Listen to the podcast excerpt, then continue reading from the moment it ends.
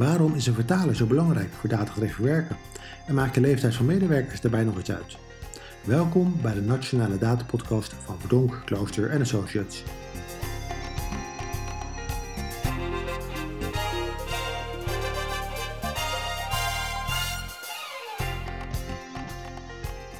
Welkom bij de Nationale Data Podcast, de podcast met inspirerende gasten en inzichten over het gebruik van data, algoritmes en artificiële intelligentie in de publieke sector.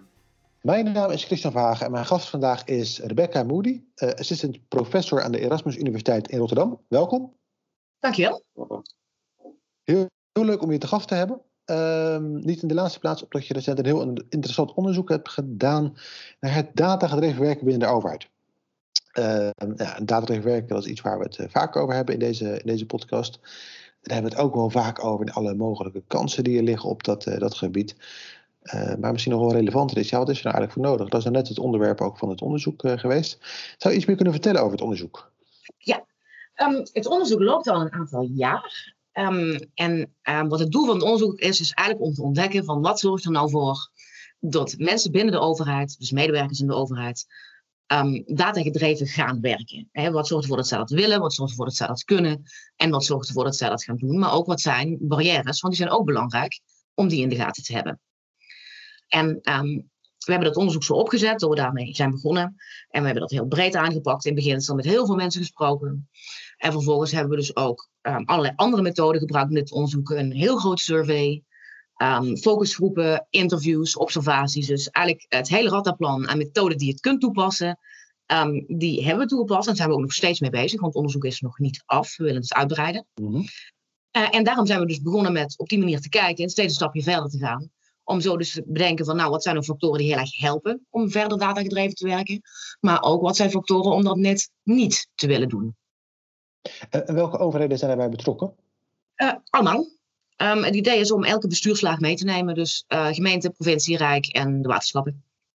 Uh, uh, mooi, mooi onderzoek ook. En het gaat uitbreid worden de komende tijd, zei je? ja, ja hoe, het, idee is, um, het idee is inderdaad meer gemeenten. Um, ook wat dieper ingaan op de provincies en de waterschappen. Ook het rijk. En eventueel ook naar het buitenland kijken. Omdat we daar natuurlijk misschien ook wel van alles van kunnen leren. Ja, mooi. En nu zei je, nou, we zijn aan het kijken naar wat, wat werkt wel en wat werkt niet. Uh, ja, dan is de, de, de volgende vraag, ja, wat zijn het dan? Hè? Wat zijn de belangrijke conclusies? Wat werkt? Um, er, zijn een, er zijn een aantal dingen die werken. Um, waarvan eigenlijk um, een van de belangrijkste is het contact met de ICT'ers. Dus mm. iemand die inhoudelijk werk doet bij de overheid, voelt zich vaak heel ver verwijderd van de ICT-afdeling. want die is vaak gecentraliseerd. mensen hebben vaak het gevoel dat de ICT hen niet begrijpt of dat zij zelf niet de goede vragen kunnen stellen. Um, waardoor ze met allerlei twijfels zitten over datagedreven werken. En um, allerlei ideeën hebben over wat wel of niet kan. Of dat het niet leuk zou zijn of moeilijk. Mm-hmm. Um, maar ook dat er bijvoorbeeld allerlei problemen zouden kunnen ontstaan. En je ziet eigenlijk dat op het moment dat die afstand groot is, dat mensen ook niet datagedreven willen werken. En zeggen van ja, uh, dit, dit leidt tot allerlei problemen. Hier ga ik niet aan beginnen. En op het moment dat die afstand klein is, voorkom je uh, dat probleem, ondervang je het eigenlijk. Want dat betekent eigenlijk dat die ICT'er actief mee gaat denken met de inhoud van iemand zijn werk. En op het moment dat die ICT'er dat doet, um, zie je een hele hoop begrip en kunnen ook een hele hoop angsten weggenomen worden die uh, medewerkers hebben. En die angsten, dat is eigenlijk wel een belangrijk punt. Mm-hmm. Um, want de angst is meestal niet, ik kan het niet of ik vind het niet leuk. De angst is meestal, het gaat niet werken. En we zien eigenlijk dat de belangrijkste motivatie voor iemand om datagedreven te willen werken, is eigenlijk om het beleid beter uit te kunnen voeren. Dus die burger beter te kunnen bedienen. Uh, ofwel direct ofwel indirect.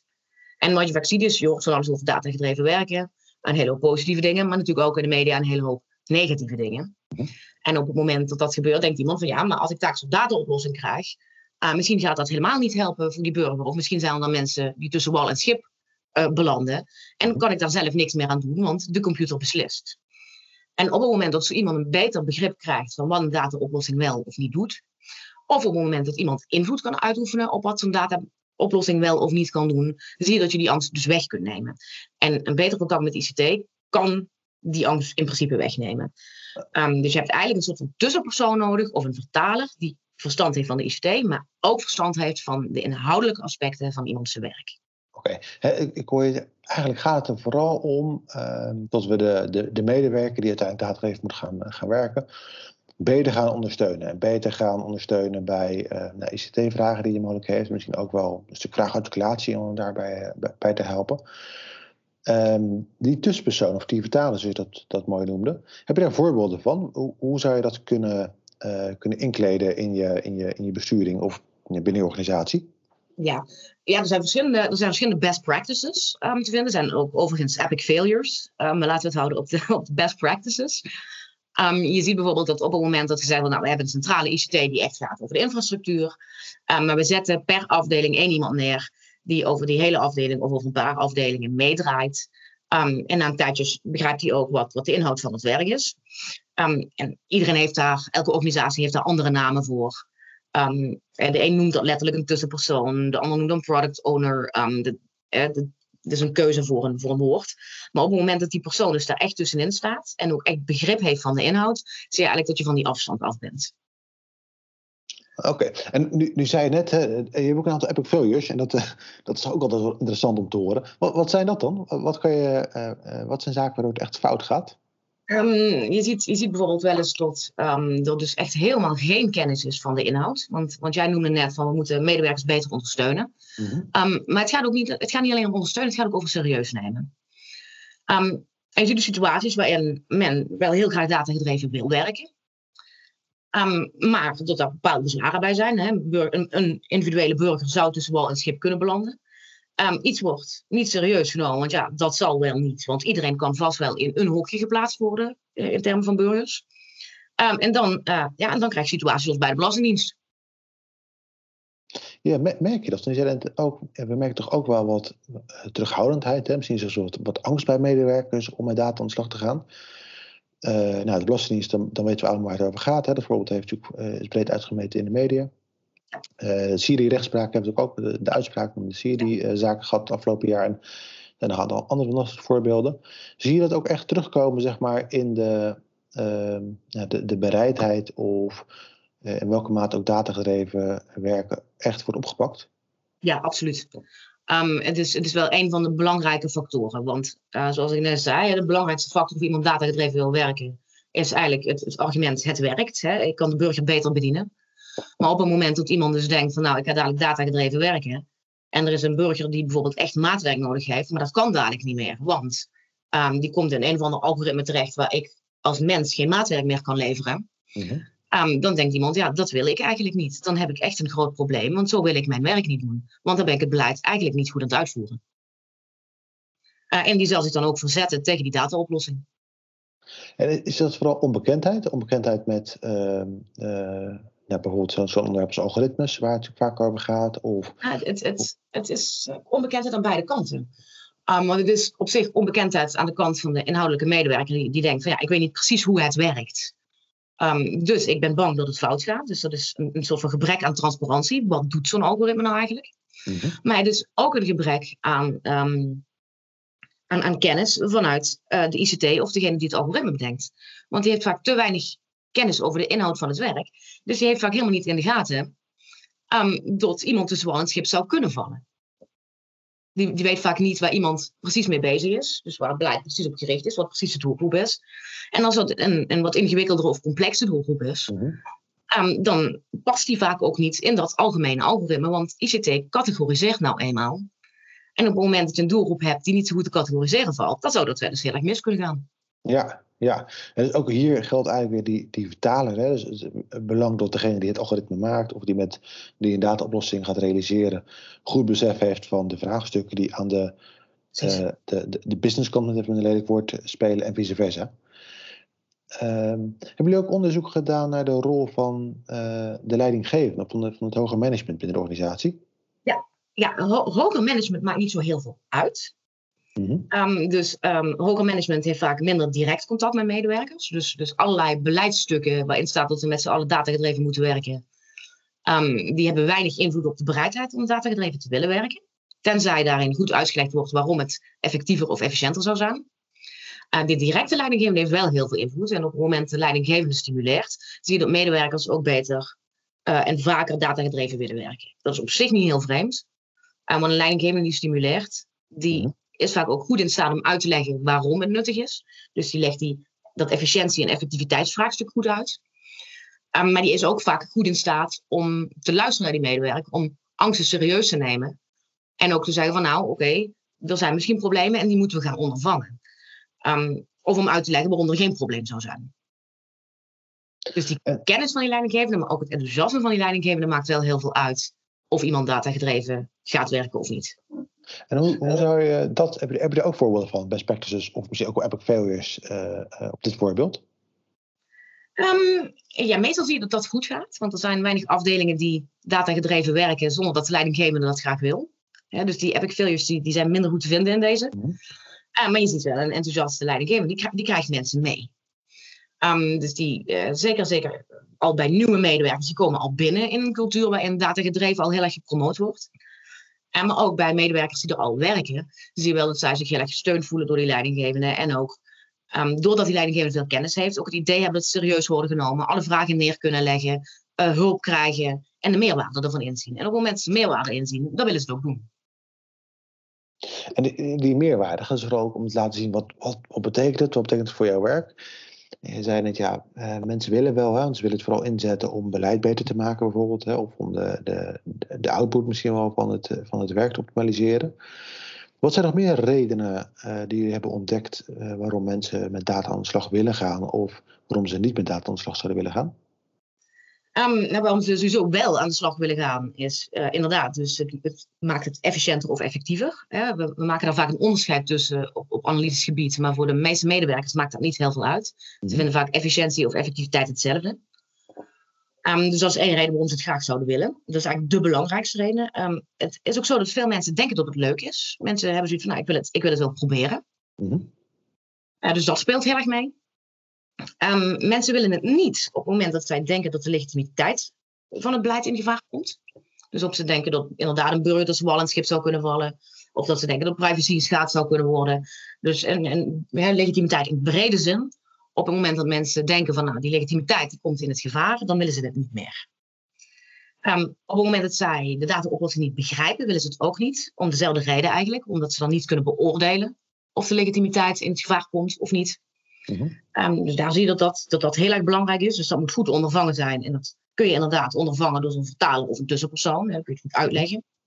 Um, dus dat, dat is wel heel belangrijk in bepalen waarom iemand zelf niet wil. En uh, op, vond ik opvallende conclusie was dat we in het buitenland, in niet mijn eigen onderzoek, maar een ander onderzoek vaak zien, um, dat mensen liever niet datagedreven willen werken, omdat hun werkzaamheden zichtbaarder worden voor hun leidinggevende. Want op het moment dat je datagedreven werkt, kan je leidinggevende natuurlijk precies zien uh, hoe hard jij werkt. Hè? En als je dus een beetje uh, zit te en je doet niks, dan zal dat je leidinggevende wel eens kunnen opvallen. Um, zien we in Nederland eigenlijk dat die zichtbaarheid, dus die extra zichtbaarheid die door datagedreven werken veroorzaakt zou kunnen worden, net heel erg omarmd wordt. Met het idee van, dan ziet de organisatie eindelijk een keer hoe hard wij werken.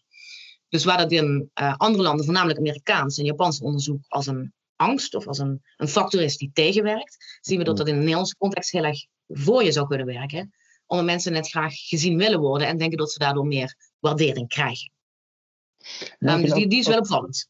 En merk je dan ook wel verschil tussen de, uh, de verschillende uh, functies op niveau binnen een organisatie? Ik me nou voorstellen tot ja, toch wat meer repeterend uitvoerend werk. Ja, daar, dat kun je op een gegeven moment ook wat meer gaan, gaan automatiseren. Hè? Daar kun je misschien ook algoritmes voor in de plaats gaan zetten op een gegeven moment. Tot daar misschien toch wel wat angst ook ontstaat? Of, of heb je het helemaal niet teruggezien? Nee, helemaal niet. Um, je ziet net bij de mensen, bij, de, bij de functies die inderdaad vaak repeterend zijn, die zijn vaak het bangste voor legitimiteitsverlies. Mm -hmm.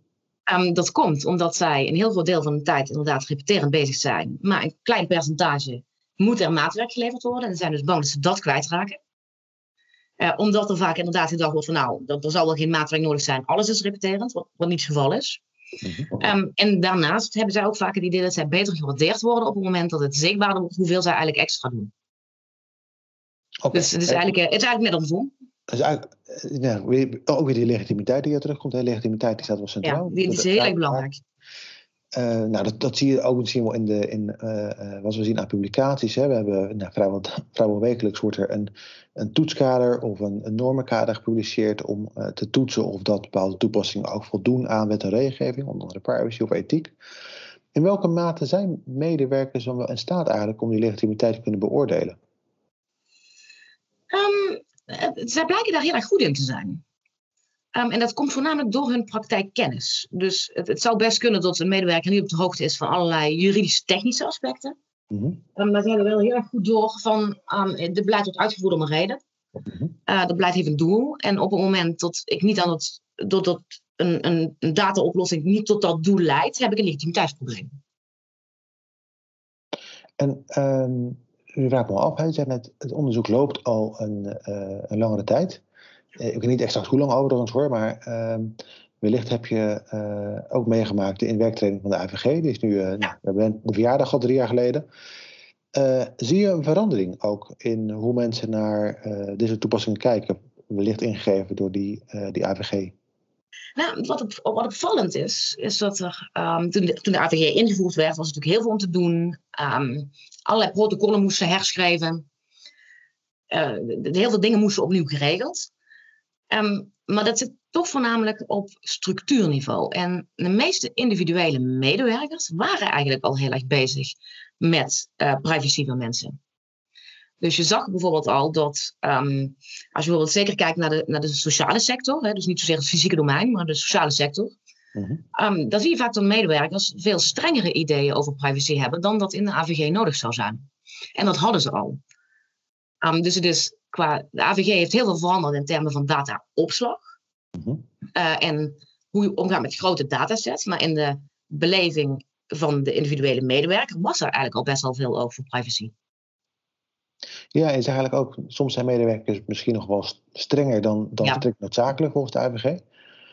Um, hoe zou je dat kunnen? Hè? Dat, uiteindelijk is dat ook iets waardoor je mogelijk toch niet uh, de, kansen benut die er mogelijk wel zijn op het gebied van, van data. Hoe zou je daarmee om kunnen gaan als organisatie? Um, ik zou altijd zeggen, neem dat serieus. Want die mensen hebben een inhoudelijke reden om dat te vinden. Mm -hmm. En vaak zie je dan dat het gaat om, om kwetsbare groepen, bijvoorbeeld jongeren of mensen die ziek zijn um, waar je toch voorzichtig mee wil zijn. Um, en die mensen hebben uit praktijkervaring natuurlijk heel veel ideeën over wat wel of niet goed voor iemand zou kunnen zijn. Dus misschien moet je um, die mensen ook gewoon serieus nemen. Zeker omdat de meeste angsten met betrekking tot privacy ook gewoon technisch op te lossen zijn. Ja, en neem het serieus, neem het mee en ga vooral ook in gesprek met de, met de medewerker. Ja. Dat is voor mij ook een beetje de rode draad als ik het zo hoor van het onderzoek. Ga vooral met de medewerker in gesprek, ondersteun hem, haal de vragen op en zorg dat hij ook een goed gevoel krijgt bij uh, ja, wat, wat doe je met data, wat doet een algoritme, uh, hoe zetten we het in, hoe borgen we ervoor dat we dat op een goede, veilige en legitieme manier ook, uh, ook doen. Uh, nou, er is ook een soort aanbeveling ook in misschien wel. Absoluut. Uh, nu, nu, wordt er heel veel gesproken over, uh, over data. Dat, dat, doen we graag mee overigens in deze podcast. Ja. In, inmiddels, inmiddels gelukkig ook op andere niveaus. waaronder in de, in de politiek, in de Kamer. er wordt hard gewerkt aan een, een nieuw regeerakkoord uiteindelijk. Wat zou je willen meegeven? Hè? Die ambitie die staat wel. De ambitie hebben we als overheid om data even te werken. De, de, de hoe dan, die, is nog, nee, die wordt nu beantwoord. Wat zou je willen meegeven, zeg maar, ook voor, licht voor een volgende kabinetsperiode? Waar moet de overheid op gaan inzetten om echt de volgende stap te kunnen zetten? Echt de volgende stap zetten kun je alleen als je medewerkers meekrijgt. Als die niet meedoen, gaat het niet lukken. Mm -hmm. uh, en neem die serieus, want die hebben verstand van die inhoud. En neem die niet alleen serieus achteraf, maar ook vooraf. Dus voordat je een algoritme of een dataoplossing bedenkt en die een soort van van bovenaf probeert te leggen, probeer vooraf al te kijken van nou, waar zijn mogelijke knelpunten? En bedenk dat niet alleen vanuit een technisch aspect, maar kijk ook naar de praktijk. Waar lopen mensen tegenaan? Wat zien zij elke dag en waar liggen hun legitimiteitsproblemen? Dat is één. En twee, kijk ook naar wat hebben zij nou echt nodig? Hoe denken zij nou efficiënter beleid te kunnen uitvoeren? Want zij doen het de hele dag, um, dus zij weten het. En als je het niet meeneemt, gaat je oplossing absoluut falen. Um, en dat neem je mee door inderdaad zo'n tussenpersoon of vertaler in te zetten. Dankjewel. Dat is mij een hele mooie, heldere en duidelijke oproep. Uh, ook richting, richting overheden om een volgende stap te kunnen, gaan, uh, te kunnen gaan zetten. We lopen helaas weer tegen het einde van deze podcast aan. Uh, en zoals je weet doe ik dat altijd afsluiten met de vraag... wie zouden we moeten uitnodigen ook voor een volgende podcast? Er, zijn een, er zijn een hele hoop interessante mensen met interessant onderzoek die uitgenodigd zouden kunnen worden.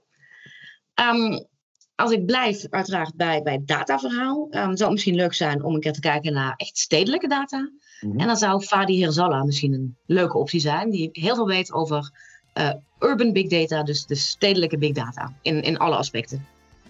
Mooi, dank voor deze suggestie en dank voor de toelichting op het, op het onderzoek. Nou, heel graag gedaan. Ik vond het leuk om mee te doen.